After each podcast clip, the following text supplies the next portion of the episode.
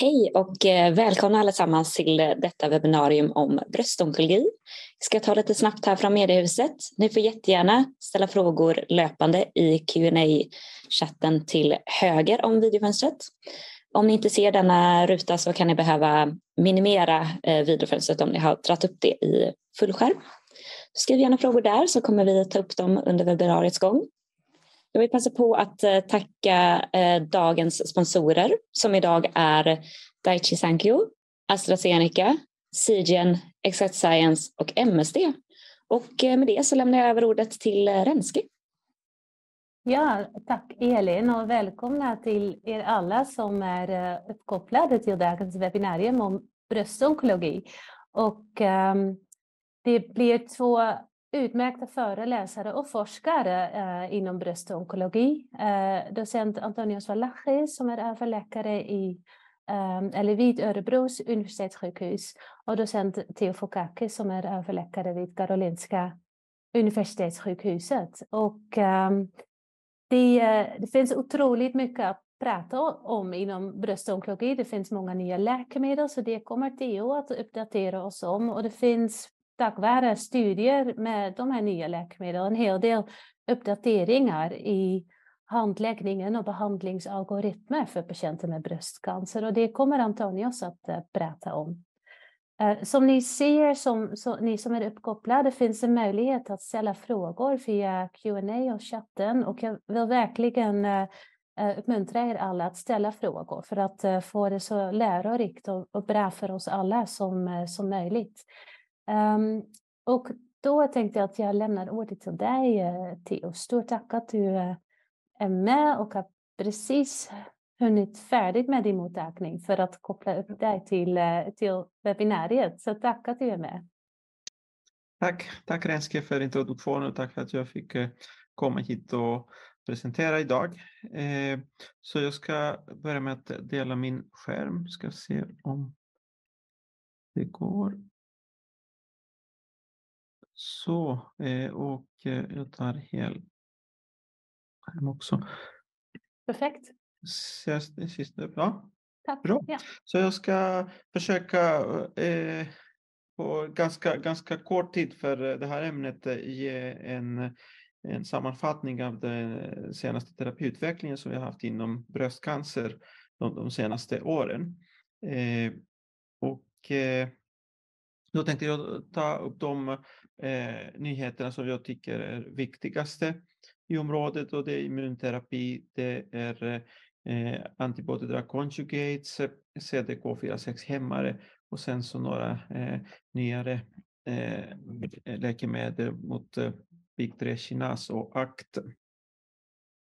Så vi börjar med immunterapi direkt och eh, vi eh, vet att historiskt så eh, var eh, bröstcancer inte den första diagnosen som man testade immunterapi på. Och det har att göra med att, eh, eh som ni ser här till vänster, att eh, antalet mutationer som finns i, i bröstcancer är förhållandevis färre jämfört med andra tumördiagnoser.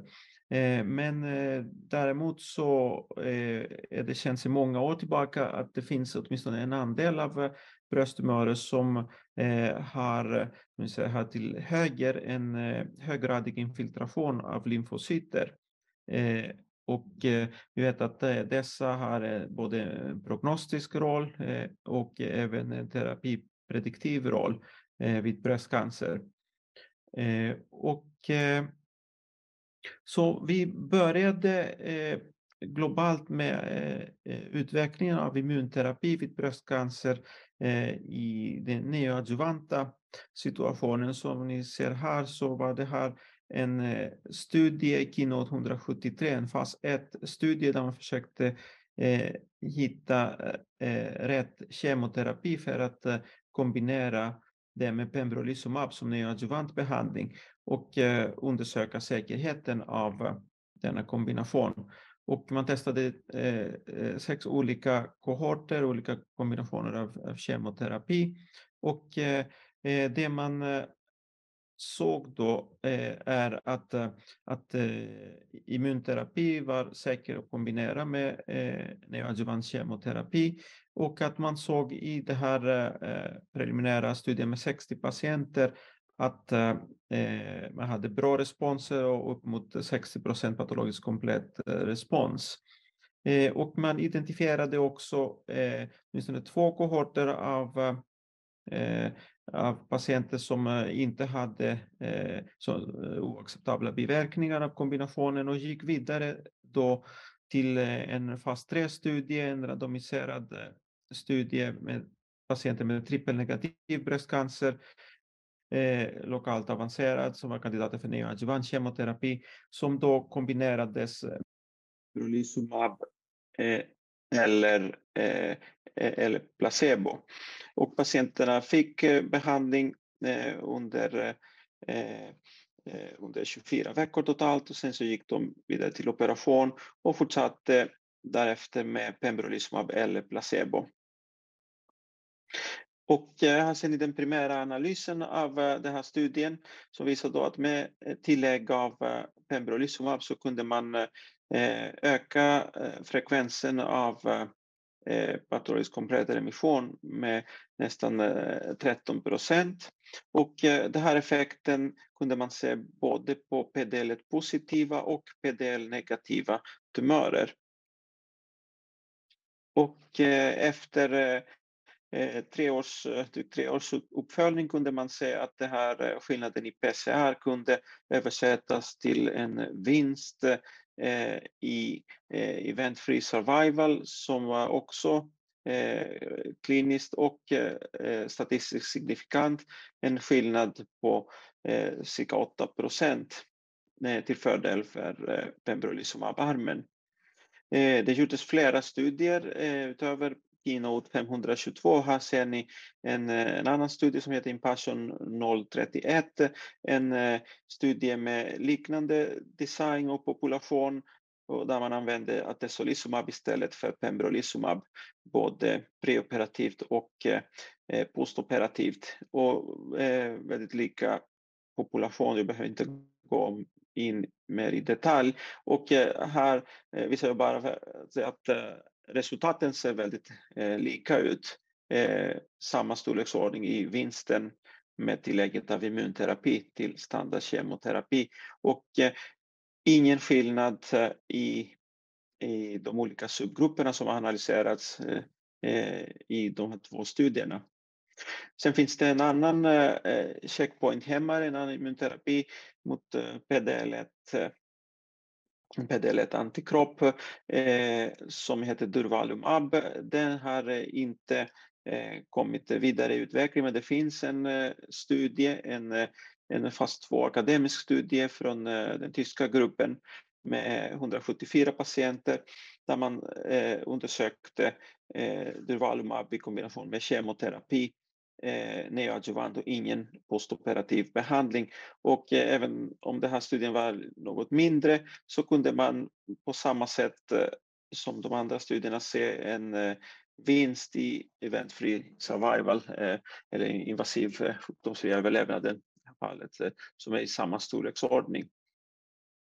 Eh, när det gäller säkerhet så eh, visar jag bara här på Keynote 522 eh, biverkningsprofilen och i den neoadjuvanta fasen så ser man att eh, biverkningarna är inte fler på grund av tillägget av pembrolizumab. Det är mycket små skillnader eh, och eh, även i den eh, adjuvanta fasen där det är bara eh, monoterapi, eh, pembrolizumab eller placebo, så ser man väldigt låg eh, frekvens av eh, av biverkningar.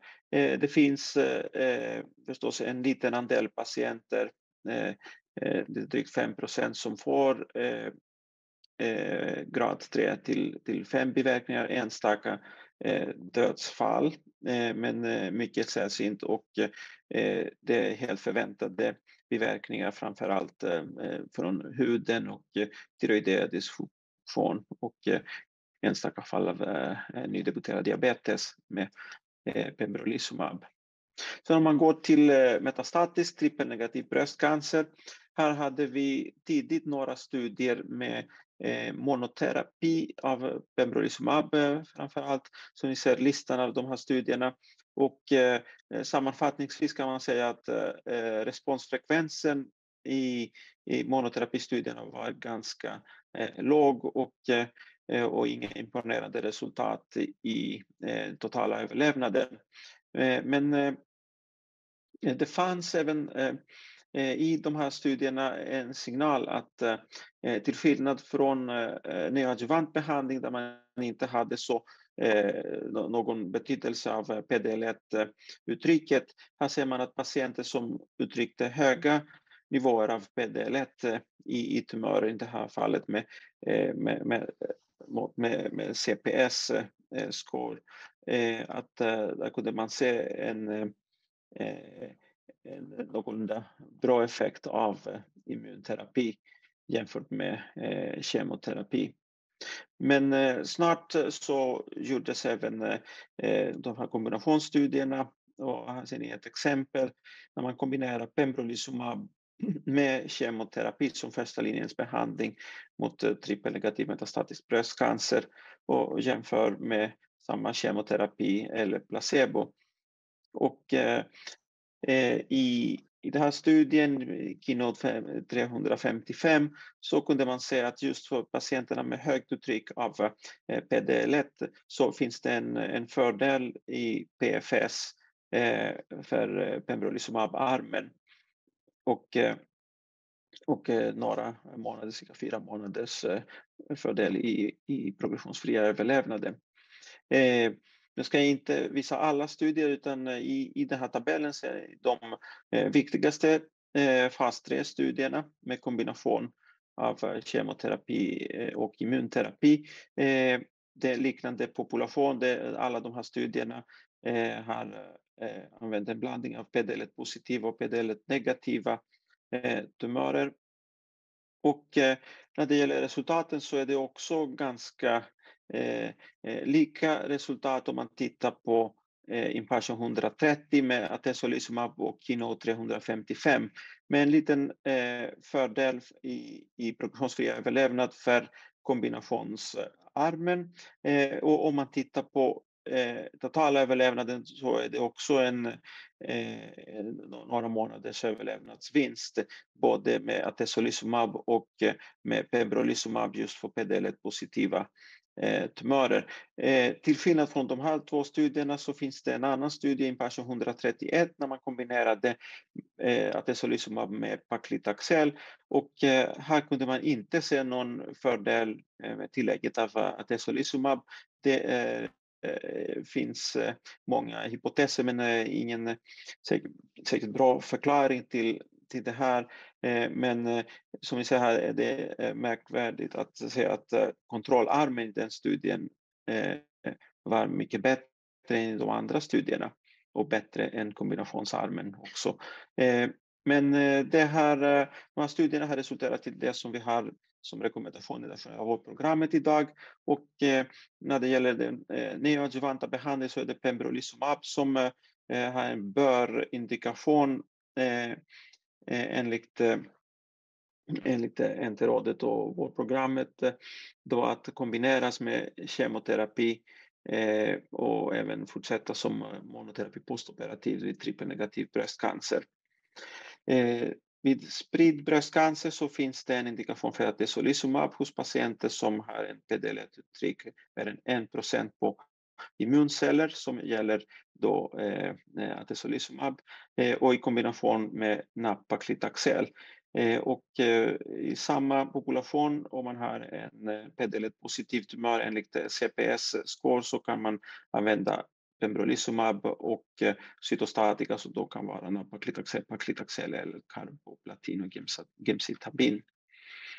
Och jag går vidare till eh, antibody drug conjugates eh, som eh, många av er vet är inte helt eh, nya eh, inom eh, cancer, eh, inom onkologin. Eh, men att, som jag säger, den här tidslinjen så är det de senaste åren som det har hänt en, en eh, revolutionerande utveckling i fältet.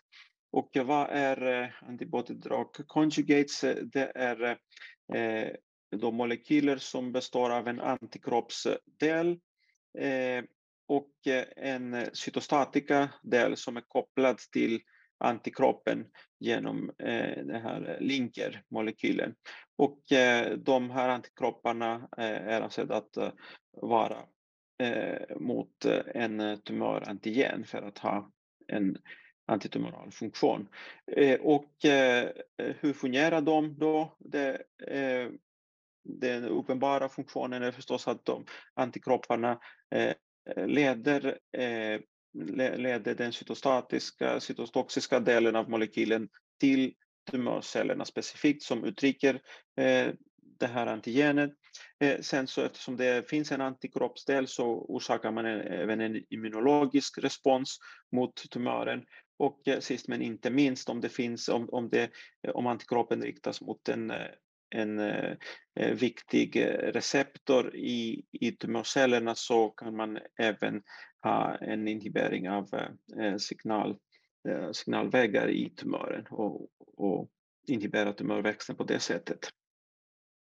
Och eh, antikropparna som finns och har utvecklats mot bröstcancer eh, är framförallt mot HER2 och, och första molekylen som har blivit godkänd eh, för bröstcancer det är eh, trastuzumab emtansine eller TDM1 som eh, ni ser är riktad mot eh, HER2 och då när, när molekylen kommer till en HER2-positiv cell så kommer den cytostatiska delen, emtansin, in i cellen och uttrycker sin, sin antitumorala effekten. Men Sen eh, har det kommit en utveckling i dessa molekyler och här ser vi ett exempel på eh, en sån molekyl som heter TDXD, eller trastuzumab deruxtecan, eh, som har en annan cytostatika-del som heter deruxtecan jämfört med trastuzumab emtansin och även har en en ny teknologi när det gäller linken som gör att den kan Eh, orsaka en, eh, en cytotoxisk effekt även till eh, närliggande celler som inte uttrycker HER2. Och det har kommit mycket lovande resultat i tidiga fas 1 och fas 2 studier och här ser ni Destiny Breast 01 som var en studie med TDXD som gavs sent efter median 6 tidigare linjer hos patienter med Eh, HER2-positiv bröstcancer. Och som ni ser i, i, i den här waterfall-plotten så eh, är det eh, mer än två tredjedelar av patienterna som svarade med objektiva responser och även hade långvarande eh, effekter och responser. Och det ledde till eh, flera studier som jag ska eh, snabbt gå igenom och det är eh, då en randomiserad studie mellan TDXD och eh, Eh, och doktorsval av eh, HER2 eh, baserad eh, terapi som har visat en klar fördel för TDXD både när det gäller progressionsfri överlevnad och även eh, totala överlevnaden. Eh, sen så kom Brest, eh, Destiny Breast 03-studien som var en direkt jämförelse mellan TDXD och TDMET som publicerades också förra året. Och eh, den den har visat nu i den uppdaterade analysen en, en, en mycket eh, eh, stor skillnad i PFS till fördel för TDXD, alltså från en median av eh, 29 månader kontra 7 månader ungefär och även motsvarande, eh, eh, motsvarande effekt i, i overall survival med hazard ratio 0,64 efter två år. Så här ser ni eh, totala överlevnaden. Eh, datan är inte mogna men man ser en, eh, en förbättring av totala överlevnaden för TDXD. Och eh, eh bättre objektiva responser med TDXD och eh, även kompletta responser på eh, mer än 20 procent av patienterna. Eh, TDXT studeras numera även vid tidig HER2-positiv bröstcancer, både som adjuvantbehandling eh, mot residualtumör eh, efter neoadjuvant terapi, men även som neoadjuvant behandling i Destiny Breast 11-studien eh, där man jämför TDXT mot eh, kemoterapi. Och inte minst så har även vi en, en studie på gång som ska startas nu i, i Sverige och i Norden eh, de kommande månaderna. Eh, där vi också jämför standardbehandling med cytostatika och antikroppar mot eh, trastuzumab som neoadjuvant behandling. Eh, men eh, Alltså, Trastuzumab har även visat sig vara effektiv i en annan population patienter som inte har HER2-amplifierad tumör men som har en låg uttryck av HER2, de kallade HER2-low-populationen. Och eh, den har eh, visat sig i den här studien Destiny Breast 04 där man hade patienter som var endokrinresistenta eh, eh, och eh, tidigare behandlade med kemoterapi mot metastatisk bröstcancer som var HER2 low och randomiserades till TDXT eller eh, doktorsval av kemoterapi. Och eh, denna studie som publicerades som rapporterades i ASCO förra året visat en, en klar fördel för eh, TDXT även i denna population och även en vinst i, när det gäller eh, totala överlevnader med flera månader. Och det här eh, utöver en, en ny eh, en, en, en, ny behandling mot eh, bröstcancer så har det även lett till att man börjat eh, definiera de olika subtyperna av bröstcancer lite annorlunda istället för att ha HER2 positiv, HER2 negativ och, och eh, eh tumörer. Nu, nu har man en, en mellangrupp som ni ser här som kallas HER2 low som har en immunhistokemiskt uttryck av eh, HER2 som är 1 plus eller 2 plus men inte eh, Eh, amplifierad och det är eh, som vi ser här nästan hälften av alla bröstcancer som, är, som tillhör den gruppen. Eh, baksidan av eh, Tassonoderuxtecan alltså det är att den eh, att det är en risk att leda till allvarlig interstitiell lungsjukdom. Som ni ser här i de första studierna, i den tabellen så var grad 5, alltså dödlig interstitiell lunginflammation i några enstaka fall och om man tittar på alla grader så är det över 10 procent av patienter som, som drabbats i de olika studierna. Eh, som det ser ut idag så eh, finns det en rekommendation att, eh, att använda deruxtecan mot HER2-positiv metastatisk bröstcancer Eh, som andra linjens behandling och eh, även senare om patienterna inte har fått det i den andra linjen. Eh, Jag ska gå vidare till ADC mot TROP2, en annan eh, molekyl eh, som, som finns, en proteoglykan som finns i eh, glykoprotein förlåt, som finns i, i, i, i cellmembranen hos eh, de flesta brösttumörerna, framförallt eh, vid trippelnegativa tumörer. Så det, eh, det fyndet har lett till utveckling av antikroppar mot TROP2 som då kombineras med, med cytostatika molekyler. Så och här ser ni första molekylen av Covitecan som har testats eh, mot trippelnegativ bröstcancer och hade positiva fynd i tidiga faser, vilket ledde till en fas 3-studie eh, eh, Ascent, som ni ser här, där man eh, randomiserade patienter prebehandlade med minst två kemoterapilinjer till sacituzumab govitecan eller doktorsval av kemoterapi. Och I den studien så såg man en eh, tydlig skillnad i totala överlevnaden till fördel för eh, för eh, sacituzumab govitecan och eh, läkemedlet eh, var väl tolerabelt, hade cytostatika liknande biverkningar eh, som ni ser här till höger med eh, eh, hematologisk toxicitet och även GI-toxicitet framför allt. Eh, Sacituzumab govitecan har även testats vid Eh, eh, luminal metastatisk bröstcancer i det här Tropics 02 eh, studien, en fast-3-studie, liknande Ascent där man hade patienter med estrogenoreceptorpositiva tumörer, HER2-negativa som randomiserades då till sacituzumab eller, eller Doctors Choice av kemoterapi. Och eh, även i den här eh, studien, en tungt eh, förbehandlad population av patienter, man kunde se en liten eh, skillnad i eh, totalöverlevnaden eh, och prognostiserad överlevnaden till fördel för sacituzumab govitecan.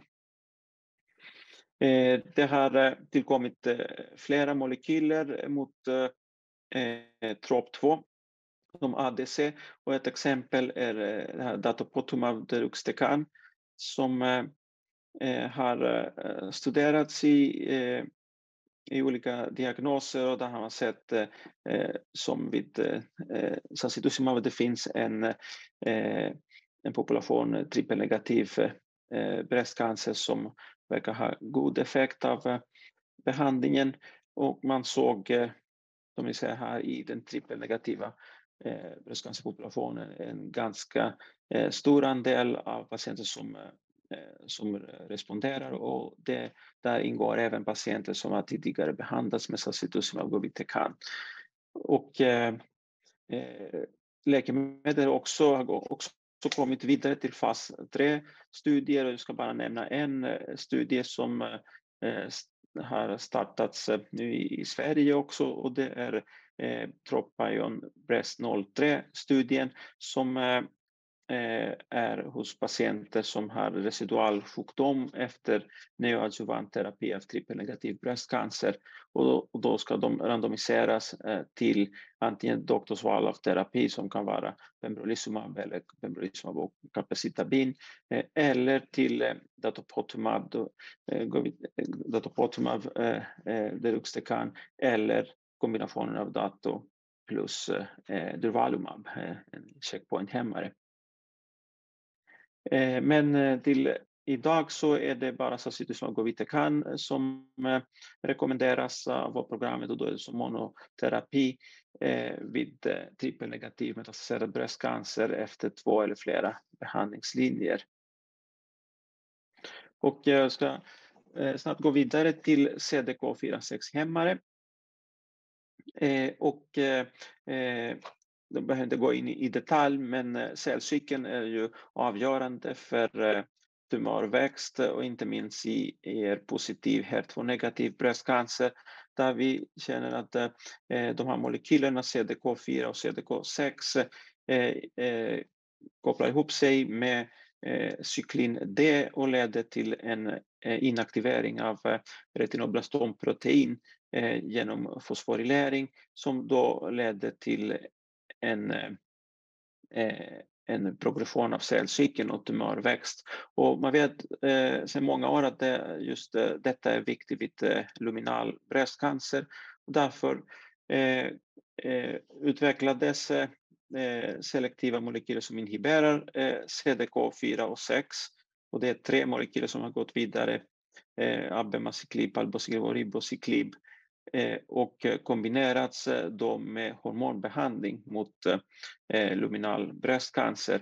Här ser ni bara en tabell av alla stora studier som har gjorts med dessa molekyler i första eller andra linjen och eh, det är intressant eh, att eh, samtliga studier har visat en prognosfri överlevnadsvinst med tillägg av CDK-hämmare i samma storleksordning mellan 0,5 och 0,6 i hazard ratio.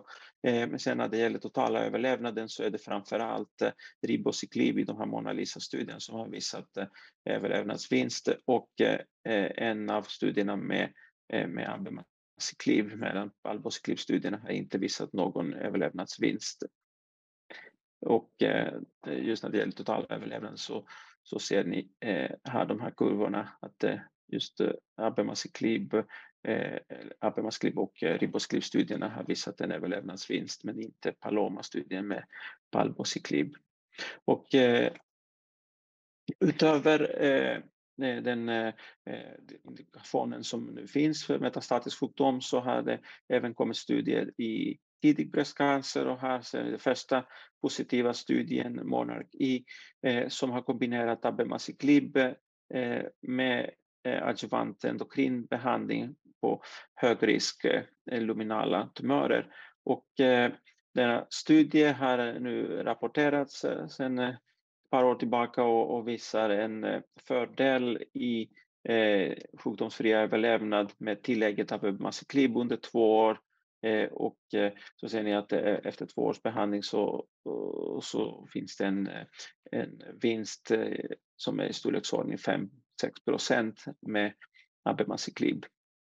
Och jag vill avsluta med att bara nämna två andra eh, eh, molekyler som eh, har eh, varit aktuella för eh, för inhibering vid eh, eh bröstcancer. Som ni ser här eh, är det PIK3 kinas och ACT-signalvägen som är viktig för dessa tumörer för att proliferera och överleva.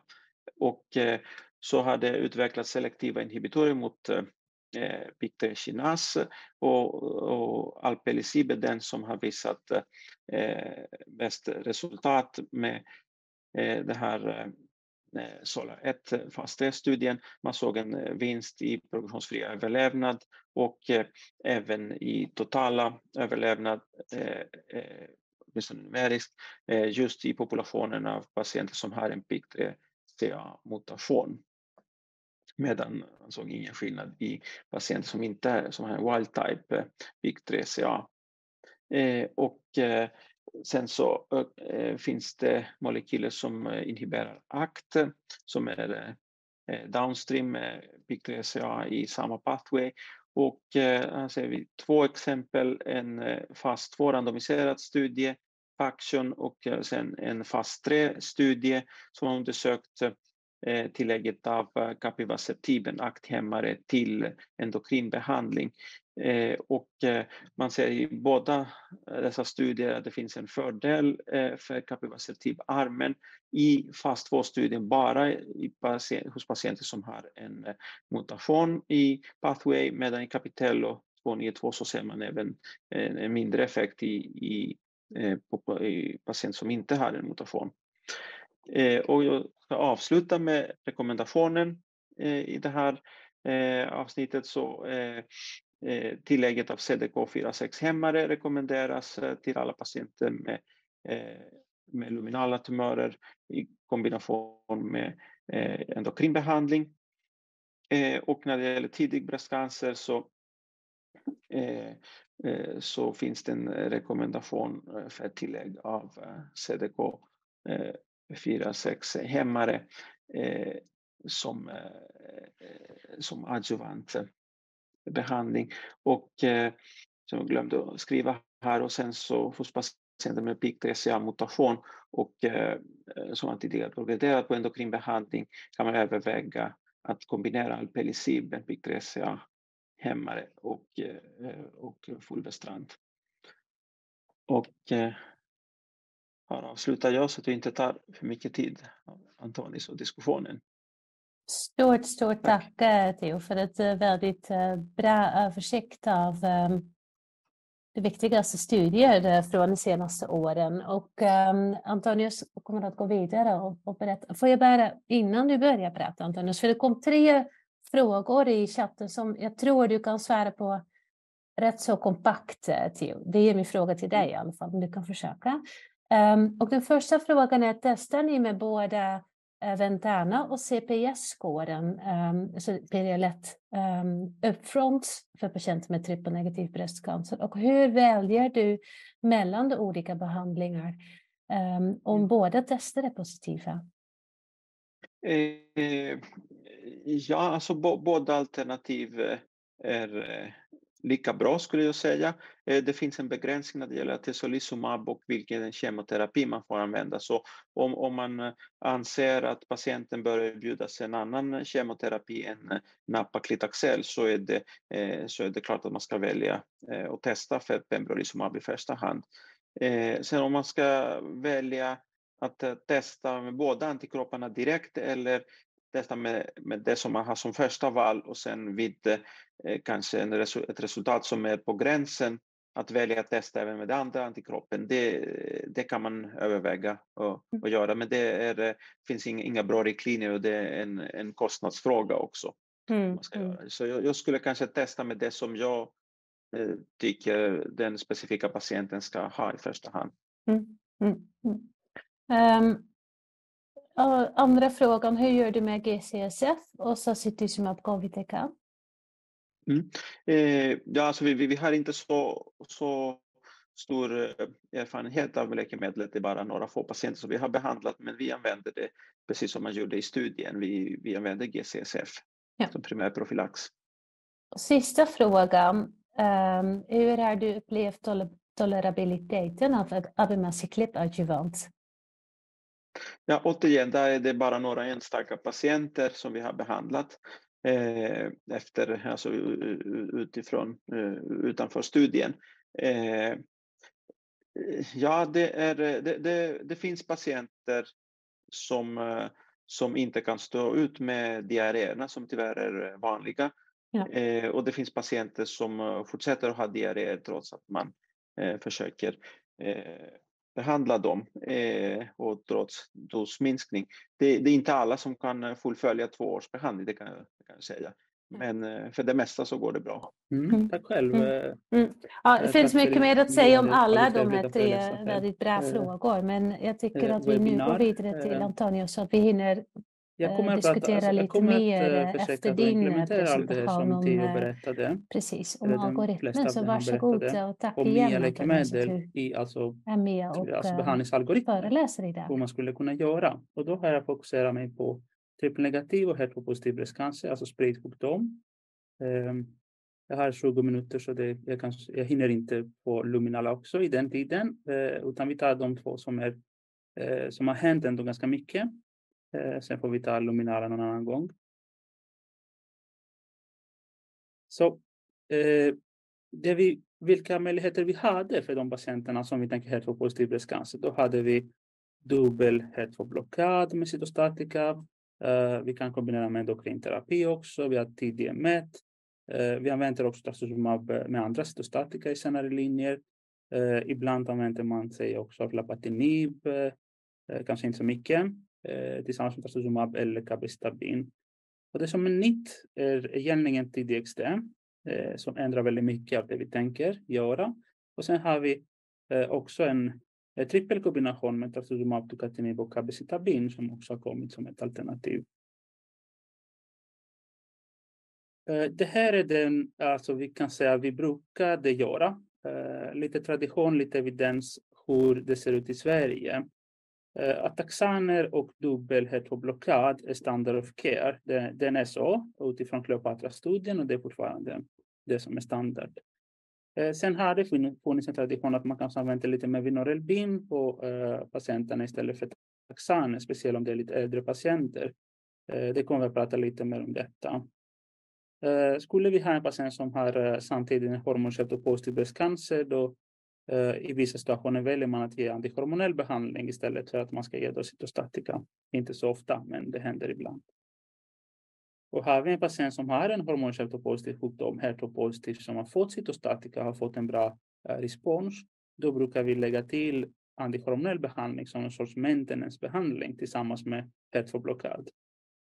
Sen hade vi trastuzumab för en lång tid som standardbehandling, som andra linjens behandling. Och sen i senare linjer eh, brukar vi använda ganska mycket trastuzumab med andra medan lapatinib har fått mindre och mindre användning kan man säga, eh, mest på grund av biverkningar. Så det jag kommer att göra är att jag kommer att eh, beskriva en algoritm eh, utifrån evidensen som finns. Och det kommer att, jag kommer att använda den här matrisen för att få algoritmen på plats. Det vi har då på vänster sida som ni ser, andra, första, första, andra, tredje linjen. Och sen har vi preferred option. Vi har olika alternativ då beroende på och vi kan säga att taxaner med dubbelhet för blockad är, är alltså den preferred option, alltså det är det som är fortfarande första linjen eh, på de patienterna. Men man skulle kunna fundera kanske att på äldre patienter att man ger, man ersätter taxaner till Vinorelbin eller man ger TDMET eller man ger antihormonell behandling om det finns en ner positivitet. Och sen har man en fråga, hur gör man om det är så att man får ett, ehm, ett recidiv tätt inpå på neoadjuvanta adjuvanta behandlingen, skulle det påverka vad vi gör? Vi kan titta lite på dess alternativ och se hur, hur man skulle kunna tänka sig. Det här är då alternativ som man kan göra för första linjen. Som sagt, när det gäller Vinorelbin, då är det så att vi har data från en studie som pågick i Sverige, som det här NATA, där man såg att Vinorelbin är lika bra som att man ger docetaxel tillsammans med trastuzumab. Och det finns en fas 2-studie, inte Velvet, där man använder Vinorelbin med dubbelblockad som visade att det är en effektiv behandling. Så i, i min mening är Vinorelbin ett alternativ som man skulle kunna välja om man inte vill ge taxaner av någon anledning. Det finns en studie som heter Marianne där man gav första linjens behandling med TDM1 plus minus pertuzumab och jämförde med taxaner plus trastuzumab. Alltså ingen standard i enligt nuvarande kunskap, men ändå en behandling som vi har använt tidigare. Och då såg man att det inte fanns någon skillnad när det gäller eh, överlevnad. Och det är förstås, som vi vet, mindre toxiskt att ge TDM1. Så skulle man ha en äldre patient så skulle man skulle inte vara ett fel att ge TDM1 som första linje. Sen har vi studier där man försöker kolla hur det blir om man ger HER2-blockad tillsammans med antihormonell behandling. Och det vi ser gång, gång på gång i den stud dessa studier det är att man ser en förbättring av PFS, men man ser inte en förbättring av överlevnad. Det är inte lika synergistisk effekt som man får när man ger HER2-blockad med cytostatika än om man ger HER2-blockad med eh, eh antihormonell behandling. Och det gäller både om man ger bara trastuzumab eller om man ger kombination med pertuzumab. Men skulle man ha en patient som, som eh, inte, man upplever att man inte eh, skulle kunna ge cytostatika, då kan det vara ett alternativ. Hur blir det med evidensen när det gäller tiden från att man är färdig med behandling tills man får ett recidiv? Här har vi inte så mycket evidens. Jag har delat alltså saker som händer, alltså det som händer inom sex månader eller upp till ett år. Och tre alltså alternativ, antingen dubbelblockad mistostatika, TDXT eller TDM1. Och som ni ser då är data väldigt begränsade för att man ska kunna få svar på den frågan. Det finns en del real evidence som, som tyder på att man skulle kunna ändå använda dubbelblockad mistostatika även om det har hänt något kort efter att man har fått behandling. Men det är klart, har man givit dubbelblockad innan, då är man ganska så tveksam att man ska ge igen på en så kort tid. Det finns väldigt begränsad evidens också på TDXT, inte mycket kan man säga. Eh, men det kommer att komma lite mer eftersom de patienterna har ingått i Destiny Breast 09-studien, första linjestudien, så den, den kommer man att få lite mer evidens. Från Marians studie finns det lite evidens som att tidig mätt skulle kunna användas som ett tidigt, kan man säga, vid tidigare recidiv. Eh, men dessa studier är gjorda när man inte hade tidig mätt som postneoadjuvant. Så har man använt postneoadjuvant tidig mätt, då är det klart att man noterar att man kanske inte vill använda som första val efteråt. När det gäller andra behandling, då är det tydligt att TDXT, trastuzumab eh, deruxtecan, är den som är eh, bästa alternativet. Och finns det någon sorts kontraindikation, då är det fortfarande tidiga med som man behöver tänka där. Data har ni sett från, från tio. Det som blir mer spännande när man tittar på tredje linjen nu, eh, eftersom man har TDXT och man inte har använt det tidigare. Man har trippelkombination med tucatinib. Man har också TDM1. Och hur man ska välja här är inte så lätt eftersom evidensen är fortfarande inte Eh, så mycket för att man ska kunna få eh, information på allt. Det vi vet är att eh, trastuzumab deruxtecan den är då bättre än TDM1 på andra linjer och man kan tänka sig att det är bättre för tredje linje också. Det man vet om TDM1 är att det är nog sämre än TDXT på andra linjer och man får fundera på att det är också så om man jämför på tredje och senare linje. Sen har TDMET bra evidens att den är effektiv i senare linjer också. Det finns en studie som heter Teresa som har visat att TDMET i jämförelse med trastuzumab och annat cytostatikum eh, eh, att TDMET är bättre än, än trastuzumab och andra cytostatika.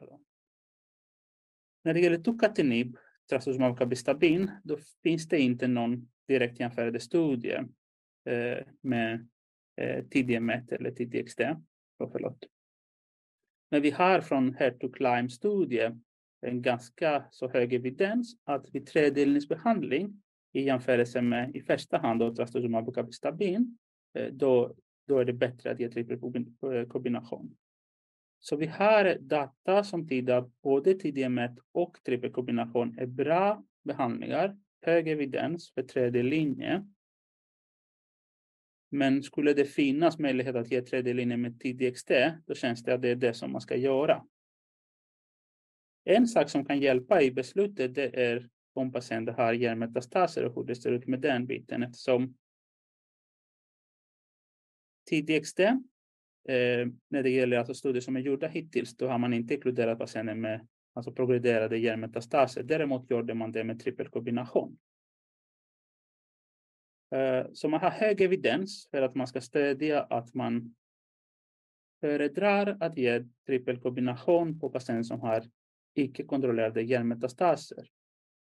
Eh, medan evidensen för hjärnmetastaser på antikroppskonjugater är låg än så länge. Och det är inte så någonting som vi inte har tänkt tidigare eftersom man har studier tidigare som man sett att ger man lapatinib och capestabin då får man en bra kontroll i hjärnan på hjärnmetastaser. Nu vet man att det här är rimligt och bättre kan man säga med trippelkombination. Så när det gäller tredje linje, då är det så att tidig extrem är den som man kan använda om det inte används tidigare. Medan tucatinib, trastuzumab och det är något som man får tänka eh, i första hand om man har alltså hjärnmetastaser. Medan TDM1 är också ett alternativ där. Och om, om man väljer mellan TDM1 och eh, trippelkombination, det vet vi fortfarande inte riktigt. Och sen som senare linje, då då har man fortfarande möjlighet att ge trastuzumab med andra cytostatika eller en kombination utan cytostatika med trastuzumab och lapatinib. Det skulle kunna vara möjligt. Om vi nu fortsätter med trippelnegativ bröstcancer. Det vi hade innan kan man säga, det som eh, Theo har berättat, då hade vi cytostatika, andningen som monoterapi eller kombination. Vi hade också parphämmare, som de som har, hade en germline brca mutation. Det vi har nu är checkpointhämmare med pembrolizumab och atezolizumab. Och sen har vi också antiklonskonjugaten, sacituzumab govitecan. Och med samma kan man säga matrisen får vi försöka fixa en algoritm. Och det som man ska tänka i första hand på de patienterna är att man ska då köra en checkpointhämmare och cytostatika beroende på hur det ser ut med PDL1-analys, om det är CPS-positivitet eller PDL1-positivitet.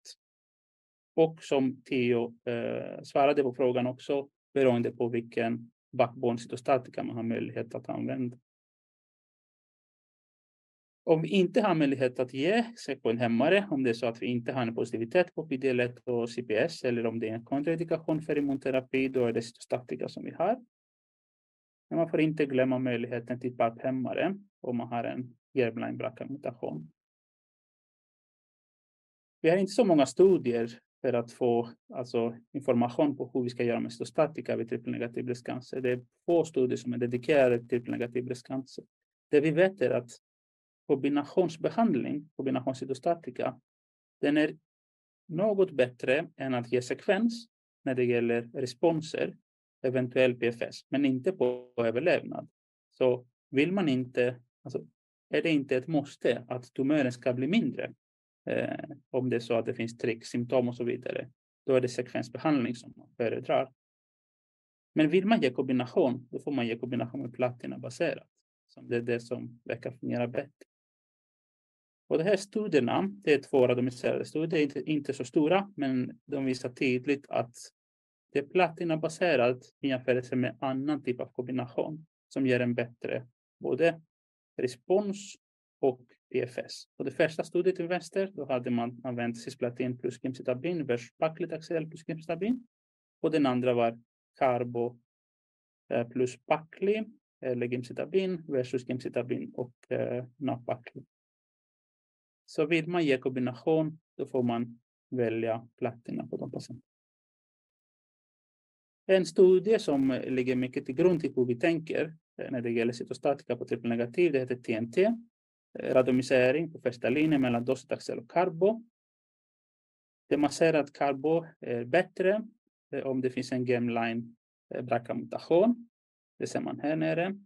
Att carbo som är den orangea kan man säga, staplarna, Dustaxel är den gröna staplarna det blir bättre på responser om det är en germline-mutation när man ger carbo, eh, carbo jämfört med Dustaxel eller med de patienter som inte har en BRCA-mutation. Då finns det ingen skillnad. Och docetaxel verkar vara bättre i trippelnegativ breast som inte är BCL-like. Det ser man här. Att det inte finns någon skillnad på responsen när det gäller BCL-like enligt PAM50-analys, alltså genexpressionsanalys. Men när man kommer till non-BCL-like då är det bättre med eh, docetaxel. Sen om vi tänker på senare linjer, då har vi ribulin som är något bättre än allt annat när det gäller överlevnad. Och sen om vi nu försöker prata lite om gemline-mutationer och parpemmare. Vi har två eh, studier i den. Det är två olika läkemedel. Det är eh, Olympiad-studie med eh, Olaparib och sen har vi en BRCA-studie med Talas och Eh, I Sverige är det Talas och Parib som är godkänd kan man säga för den indikationen. Eh, det man ser på båda studier är att det finns en skillnad på PFS men inte på OS. Eh, och i alla studier var det då ett jämförelse mellan parphämmare och cytostatika. Det har varit en eh, lång diskussion om hur man ska tänka kring Platina baserat eh, cytostatika och parphämmare med en, eh, vad kan man säga, en oro. Det ska finnas en korsresistensmekanism. Eh, ehm, I studier som är gjorda ser man inte att patienter som har tidigare fått platina baserat har en sämre effekt av parphämmare. och efter att man har fått behandling i dessa studier, då har patienterna i, i båda armar fått både platina och PARP-hämmare. Och att vi inte ser en skillnad på överlevnad skulle det kunna vara ett tecken till att behandlingar fungerar även sekvens, som, som sekvensbehandling. Det är därför man inte ser en, en skillnad på överlevnad. Så man ser inte riktigt att man behöver vara så mycket orolig eh, att det blir en korsresistensmekanism. Eh, Dessutom ser man på studier som finns att PARP-hämmare verkar fungera bäst när man använder dem tidigt i förloppet, alltså som första andra linje. Och använder man senare, då tappar man en del av effekten. Och i och med att det finns en bättre toxicitetsprofil med PAP-hämmare än med cytostatika, då skulle man verkligen fundera på att använda dessa läkemedel tidigt. Om vi nu går till andra linjen, eh, då har vi cytostatika med samma principer som jag har pratat. Vi har också PAP-hämmare där germline BRCA-muterade, så man får inte glömma den möjligheten för de patienter som har en mutation. Och sen kommer vi till tredje linjen för att vi ska komma till Sazituzumab och Vitekan som eh, Theo berättade om. Och vi har fortfarande möjlighet till eh, cytostatika. Och här vill jag bara lyfta en, en eh, kan säga, möjlighet att tänka att Sazituzumab och Vitekan kanske inte är en tredje linje i den strikta meningen utan att det kanske kan flyttas upp till andra linjen om man har ett recidiv tidigt efter adjuvant eh, cytostatika behandling. Det här är då en subgruppsanalys av patientstudier studie som Theo visade. Det är patienten som fick ett eh, recidiv inom 12 månader från avslutat neoadjuvant eller adjuvantbehandling. Och det man ser, det är inte många patienter, 55 patienter, men man ser på både då Eh, PFS till vänster och OS till höger att det går bättre för patienterna som får sacituzumab och i jämförelse med att få cytostatika. Och det här finns skrivet i TLV-indikationstext, så det är inte någonting som man inte kan ändå eh, eh, använda. Då. Och i senare linjer är det så att man inte har använt sacituzumab och då kan man göra detta. Och sen återigen cytostatika som ett alternativ. Och eh, det här är min näst sista slide, eh, att vi använder Saturn i senare linjer, det, stöd, det stöds av Ascent eh, studieresultat. Det här är då baseline-karaktäristika på studien. Och det ni ser är att det är ändå ganska många patienter som hade fått ganska många linjer vid spridd dem Och i en analys av eh, PFS-data beroende på vilken linje man hade fått, eh, alltså hur många linjer man har fått tidigare, Då ser man att även om det har gått, där man har fått mer än tre linjer, eh, då får man en PFS-vinst av eh, sacituzumab govitecan. Så det här är hur det ser ut idag när det gäller algoritmer. Och det kan finnas olika asterisk, det kan finnas olika undantag, men i, i stora hela så är det så man kan tänka sig när det gäller evidensen. Så förväntar vi oss att TDXT och kanske trippelkombination kommer att gå högre upp i ännu tidigare linjer. Men det får vi se. Vi förväntar oss real good evidence för att vi ska kunna se vad händer efter TDXT, vilken behandling vi skulle kunna använda uh, därefter. Vi kommer att lära oss mer och mer om hur vi använder sig på en hämmare vid uh, eh, spridd uh, trippelnegativ bröstcancer, så vi kommer att kanske behöver justera lite det vi, hur vi tänker nu. Eh, sen som, som Theo visade, TDXT verkar få en plats även för HER2 low bröstcancer och antikroppskonjugater eh, mot TROP2 eh, kommer att få mer och mer plats, inklusive eh, patienter med icke eh, trippelnegativ bröstcancer. Tack.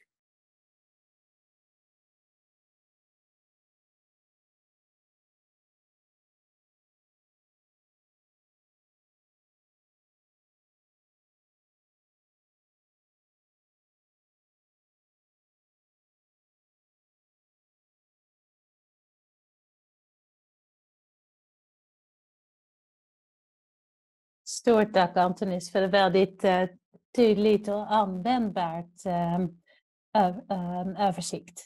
Ehm, det kom två till frågor från eh, våra kollegor i Göteborg eh, i chatten.